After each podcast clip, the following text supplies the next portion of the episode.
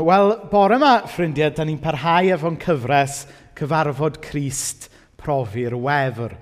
Ac wrth i ni nesau at wythnos y Pasg, uh, bore yma, hefyd gan bod hi'n syl cynta'r mis, da ni'n dathlu swper yr arglwydd gyda'n gilydd. A chydig bach allan o'r drefn, ond dyna yw'r ffocws mynd i fod bore yma, sef myfyrio o gylch beth sy'n digwydd ar y nos iau yn um, wythnos y Pasg. Um, felly mae'r darlleniad bore yma yn dod o lyc penod 22 a darllen adnod 17 uh, ymlaen. Yna cymerodd gwpan o wyn, adrodd gweddi o ddiolch, ac yna dweud wrth ei ddisgyblion, cymerwch hwn a'i rannu rhyngwch. Dwi'n dweud wrthoch chi fyddai ddim yn yfed gwyn eto nes i ddew ddod i deyrnasu. Yna cymerodd dorth o fara, ac yna ar ôl adrodd y weddi o ddiolch, ei thori a'i rhannu i'w ddisgyblion, dyma fy nghorff i sy'n cael ei roi drostoch chi. Gwnewch hyn i gofio amdana i. Wedyn, ar ôl bwyta swper, gyfeilodd yn y cwpan eto a dweud, mae'r cwpan yma'n cynrychioli'r ymrwymiad newydd drwy fy ngwaed i sy'n cael ei dywallt ar eich rhan chi.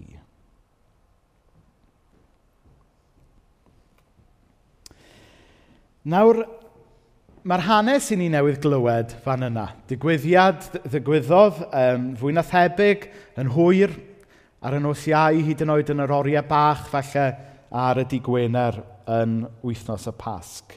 Dyma lle mae'n traddodiad ni o swper yr arglwydd, y cymun, neu'r yw Christ yn dod ohono fo. Mae'r apostol Paul yn rhoi llawer o sylw i hyn yn ei lythyr cyntaf at y Corinthiad. Mae'n rhoi arweiniad, esboniad mwy llawn i ni o beth yw arwyddocad, swper yr arglwydd, sut dylen ni a sut na ddylen ni ddathlu swper yr arglwydd, i ni'n cael adroddiadau am bobl gwyllt yn Corinth yn sgipio'r cyw i gymryd swper yr arglwydd a pobl hyd yn oed yn meddwi ar wyn swper yr arglwydd. Ond heddiw, da ni ddim mynd i droi at arweiniad fwy llawn yr apostol Paul, ond, ond yn hytrach dwi eisiau ni ganolbwyntio ar symilrwydd y peth, fel mae e'n cael ei gyflwyno y tro cyntaf yna gan Iesu i'w ddisgyblion.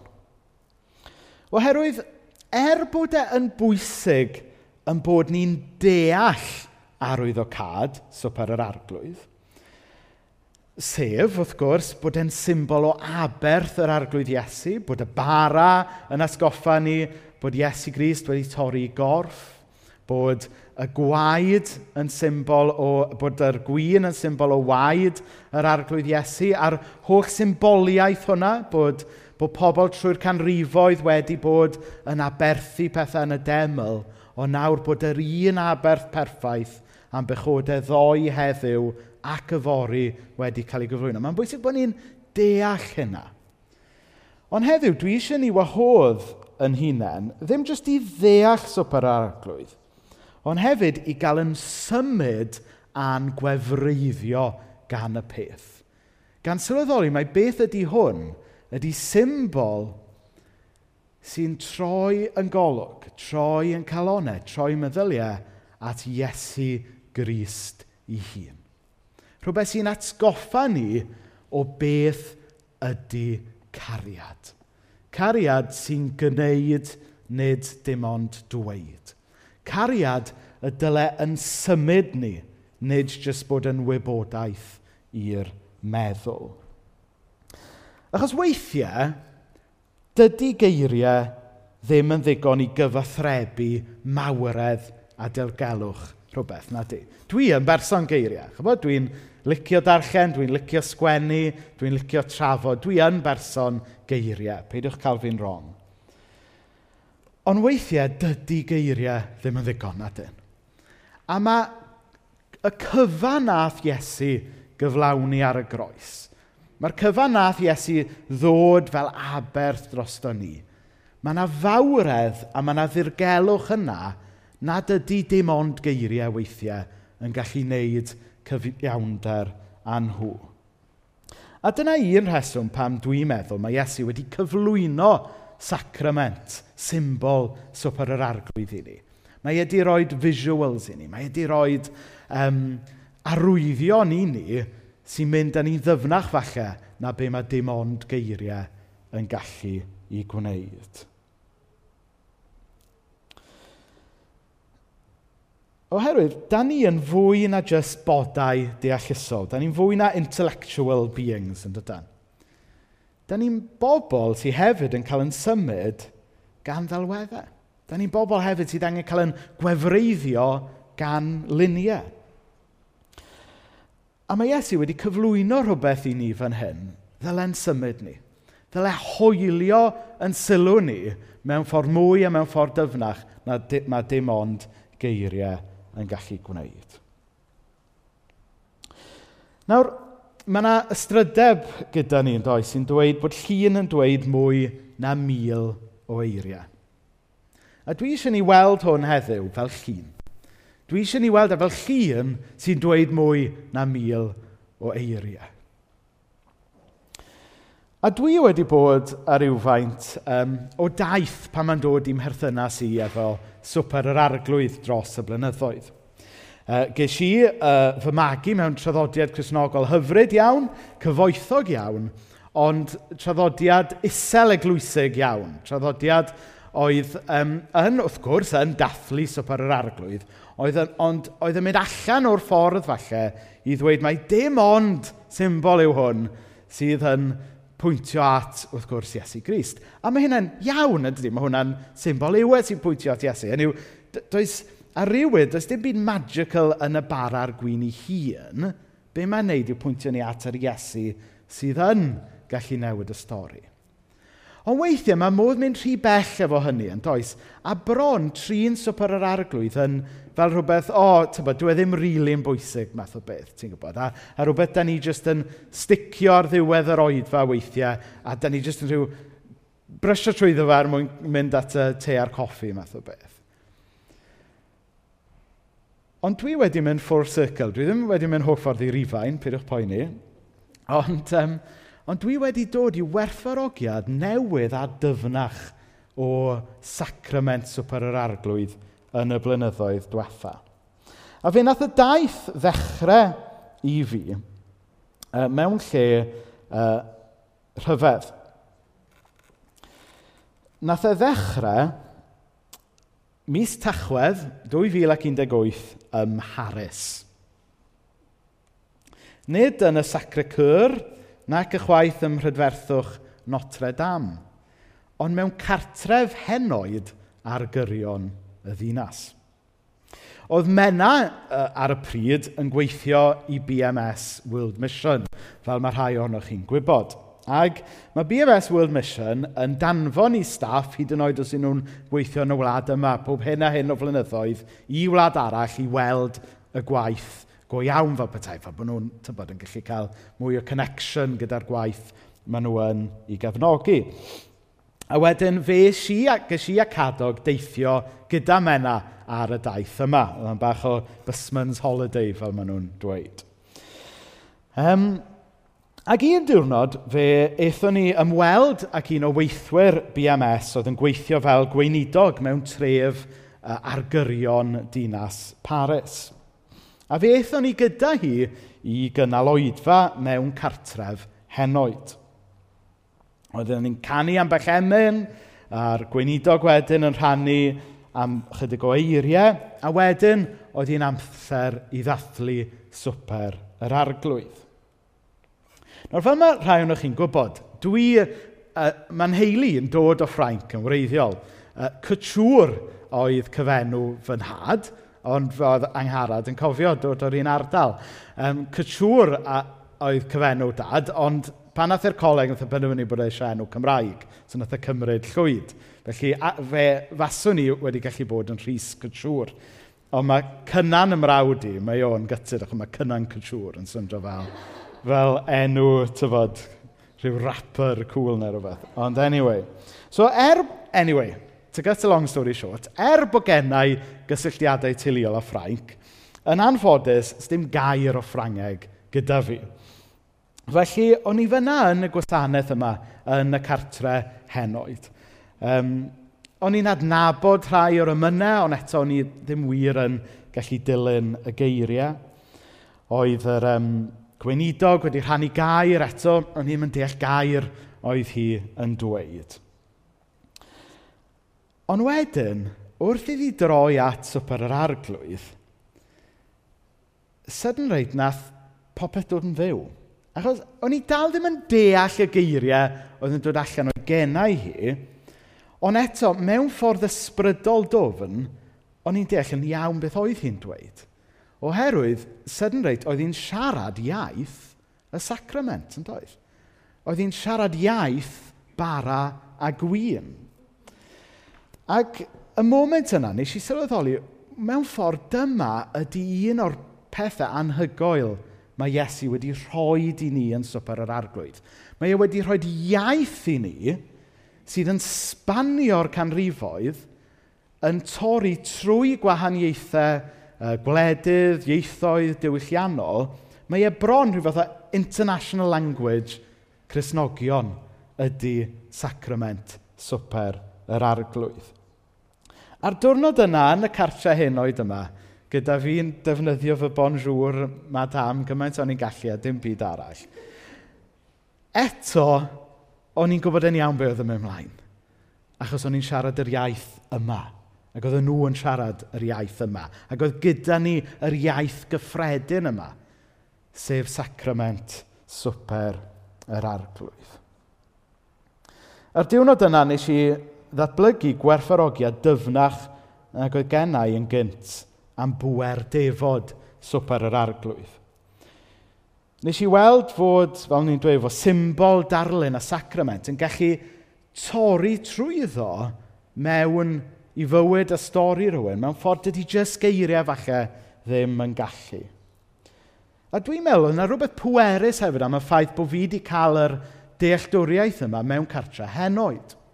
Achos um, i rai ohonoch chi sydd falle gyda um, unigolion um, oedrannus yn eich teulu, neu rhai ohonoch chi yn gweithio uh, yn y byd iechyd ac yn mynd mewn i gartrefi henoed, um, mae'n drist yn dydy gweld um, meddyliau rhai pobl hun yn mynd i grwydro wrth bod nhw yn dioddef o dementia ac yn y blaen. Ond eto, pan fydda i'n mynd mewn i cartrefi henoed, mae'n ddiddorol bod mae yna rhai pethau dal yn torri trwyddo, yn daeth. Ac oedd e'n amlwg i'r, ir hen grew yma yn y cartre henod yn Paris, falle oedd nhw cymaint a fi ddim yn tracio beth y gweinidog yn dweud, ond pan oedd e'n dod i'r symbolau, oedd e'n amlwg fod yna rhywbeth yn hitio i calonau nhw hefyd. Be nath daro fi'r dwrnod yna oedd bod swper yr arglwydd bod e yn oesol. Mae e'n rhywbeth sydd wedi cael ei roi i ni gan Iesu Nid ar gyfer heddiw, ond ar gyfer hanes, ar gyfer y canrifoedd.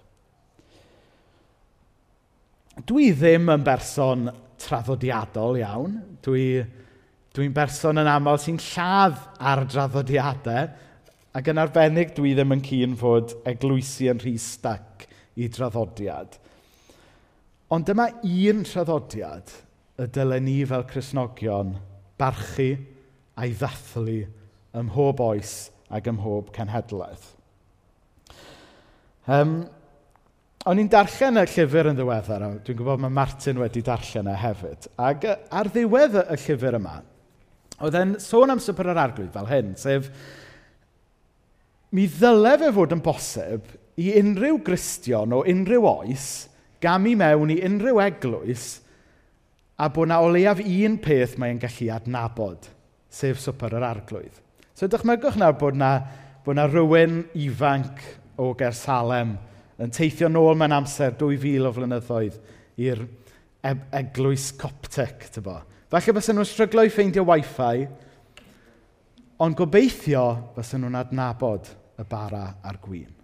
Yn yr un ffordd, tasa, chybo, Austin Sant o'r 500 ganrif yn cerdded mewn i Gersalem bore yma. Sa nhw ddim yn gwybod beth i wneud, o'r bes gitar ar sgrin falle.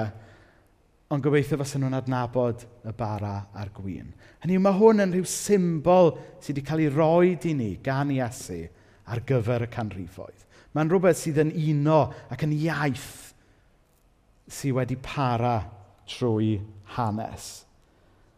Oherwydd bod e'n iaith sy'n dangos Iesu i ni. Mae e'n arwydd sy'n achosi ni ym mhob oes i ddod yn ffres gyda'n beiau, gyda'n beichiau, gyda'n pechodau o flaen yr Iesu sy'n maddau pechodau. Nawr, yr ail rhan o'r gair dwi eisiau ni droi at y bore yma ydy yr hanes hyfryd yn Lyc 24 lle mae yna ddau ar y ffordd i Emais. Dechrau darllen yn adnod 30 ymlaen. Um, pan oedden nhw'n eistedd wrth y bwrdd i fwyta, cymerodd dorth o fara ac adrodd y weddi o ddiolch cyn ei thori a'i rhoi... Um, hold on. Dwi'n declan beth iawn? Ydw. Ydw, iawn. Um, yn sydyn, dyma nhw'n sylweddoli mae Iesu oedd gyda nhw. A'r foment honno diflannodd o'i golwg. Dyma nhw'n dweud wrth ei gilydd, roedden ni'n teimlo rhyw wefr, fel petai'n calonau ni ar dan wrth iddo siarad â ni ar y ffordd ac esbonio be mae'r ysgrifau sanctaidd yn dweud. Ymhen dim o amser roedden nhw ar ei ffordd yn ôl i Jerusalem. Dim ond nhw'n dod o hyd i'r 11 disibl a phawb arall gyda nhw. A'r peth cyntaf gafodd ei ddweud wrth nhw oedd, mae'n wir, mae'r arglwydd wedi dod yn ôl yn fyw, mae Simon Pedr wedi weld. Yna, Dyma'r ddau yn dweud beth oedd wedi digwydd yn nhw ar eu taith. A hwn sy'n hyfryd. A sut wnaethon nhw sylweddoli pwy oedd Iesu? Sut? Wrth iddo dorri'r bara.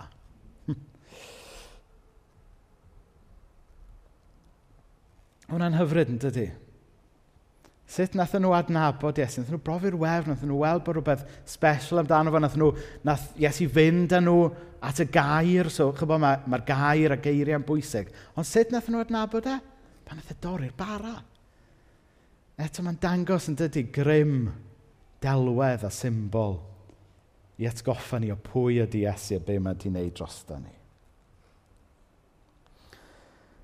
A dyna pam bod swper yr arglwydd yn rhywbeth dwi eisiau ni cael gwerthfarogiad newydd a dyfnach ohono fe bore yma. Oes, mae'n atgoffa ni fod yr efengil yn wirionedd i'w gredu, ond mae hefyd yn wirionedd sydd angen i ni brofi a cael yn symud oddi wrtho fe. Dwi ddim yn berson sydd o blaid emotionalism, ond dwi yn credu y dyle be mae Iesu wedi wneud yn symud ni yn emosiynol. Ddyle fe fod yn fwy na jyst rhywbeth da ni'n ei gredu. Ddyle fe fod yn rhywbeth sydd yn yn symud ni ac yn yn cyffwrdd ni. A mae'r symbol, fel ni'n dweud, yn croesi traddodiad, yn croesi ffiniau, yn croesi ffiniau ieithyddol. Chybod, um, weithiau, dwi'n meddwl os da chi wedi bod i galeri yn ddiweddar neu erioed. Um, pan ych chi'n mynd i galeri, chyfo, rydych galeri Cynarfon. O ia, enw'r lle ydy galeri fan. Y galeri yn galeri Cynarfon, dwi'n siarad am nawr. Pan ydych chi'n mynd mewn yna, chyfo, mae gyda chi ddan o waith celf, a wedyn aml mae gyda chi rhyw plac bach wrth yr ymyl sy'n esbonio fe'n does, chybod. Nawr, pan ydych chi'n mynd i galeri celf, ydych chi ddim jyst yn mynd yna a jyst darllen y plac, a wedyn mynd mlaen a darllen y plac nesaf, mynd mlaen a darllen y plac nesaf, a wedyn mynd adre a dweithio pobl, o ie, oedd y plac yma'n deud hyn, y plac yma'n deud llai. Tyfo, mae gan y plac i le, neu mae gan y geiriau y lle i esbonio beth sy'n mynd ymlaen, ond sa'ch chi'n dlawd iawn yn mynd adre heb gam i nôl i actually gwerthorogi y darlun i hun. A dwi'n teimlo fod un peth yn gallu bod yn wir am swper yr arglwydd. Hynny yw, Mae eisiau ni ddeall yr esboniad a beth sy'n mynd mlaen, a mae'r arglwydd Iesu hun yn rhoi esboniad, a'r apostol Paul wedyn yn rhoi esboniad mwy. Ond weithiau mae rhaid ni jyst camu nôl a gwerthorogi'r darlun am beth yw e. Gadl i'r darlun atgoffa ni, yn symud ni, am faint cariad Iesu drosto ni. A bore yma, dwi'm yn gwybod beth di'ch sefyllfa chi. Felly bod rhywun yma bore yma wedi cael wythnos anodd. Felly bod rhywun yma bore yma meddwl bod chi ddim yn y lle iawn efo Dyw i gael dathlu swper yr arglwydd. A bod yn onest, dwi'n aml yn teimlo mod i ddim yn deilwng i gymryd swper yr arglwydd. Heb sôn am arwain gwasanaeth le mae swper yr arglwydd yn cael ei ddathlu. Ond mewn ffordd, that's the whole point. Bwrdd ydy hwn, nid ar gyfer pobl sy'n meddwl bod nhw'n iawn, ond bwrdd ydy hwn ar gyfer pobl sy'n gwybod bod nhw'n doredig. Bwrdd ydy hwn i bobl sy'n gwybod yn bod ni'n bechaduriaid sydd angen a chibwr. Bwrdd ydy hwn i bobl sydd yn brifo a sydd angen meddyg. Mewn ffordd, yr prerequisite i gael dod at y bwrdd yw yn bod ni'n teimlo'n anheilwn. Hynny os da chi'n teimlo full of yourself, yna nid dyma'r bwrdd i chi. Bwrdd ydy hwn i ni ddod wedi plygu, wedi torri, yn drwm, er mwyn cael yn baich wedi cymryd oddi wrtho fe. Nid gan y bwrdd i hun, ond gan Iesu, lle mae'r bwrdd yn atgoffa ni ohono fe. Na dair blynedd yn ôl, um, bydd na awdur ifanc um, o'r enw uh, Rachel Held Evans farw. Ac yn ei llyfr um, Searching for Sunday, dyma sut mae hi yn siarad am swper yr arglwydd. The church is God saying, I'm throwing a banquet. And all these mismatched, messed up people are invited. Here, have some wine. This is what God's kingdom is like a bunch of outcasts and oddballs gathered at a table. Not because they are rich or worthy or good, but because they are hungry, because they said yes. And, that's, and there's always room for more. So dwi'n mynd neseli'n deud bod chi'n mismashed ac yn outcast ac yn weirdos. ond, uh, ond chi'n deall ysbryd y dyfyniad yn dydech. Da ni am bobl gwahanol bore yma, da ni'n dod gyfriadau gwahanol, da ni'n cario beichiau gwahanol. Ond da ni'n dod at yn gilydd o gwmpas y bwrdd yma, oherwydd mae'r un Iesu sydd wedi gwneud iawn dros yn beien i gyd, yr un Iesu sy'n cynnig bod yn feddyg i achau yn briwiau ni gyd. Ac un o'n uh, hen garolau uh, Cymraeg ni yn dweud geiriau tebyg. Eos ial, am hyn bechadur brysia. Sut? Fel yr wyt, fel yr wyt.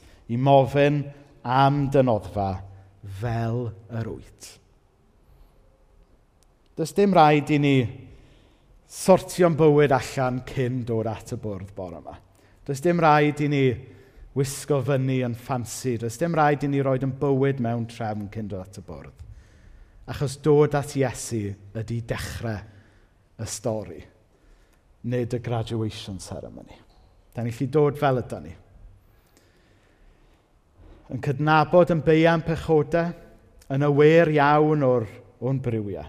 Dod at y bwrdd, achos bod dod at y bwrdd yn symbol yn ddarlun sy'n atgoffa ni bod ni'n cael dod at Iesu sydd yn yn caru ni.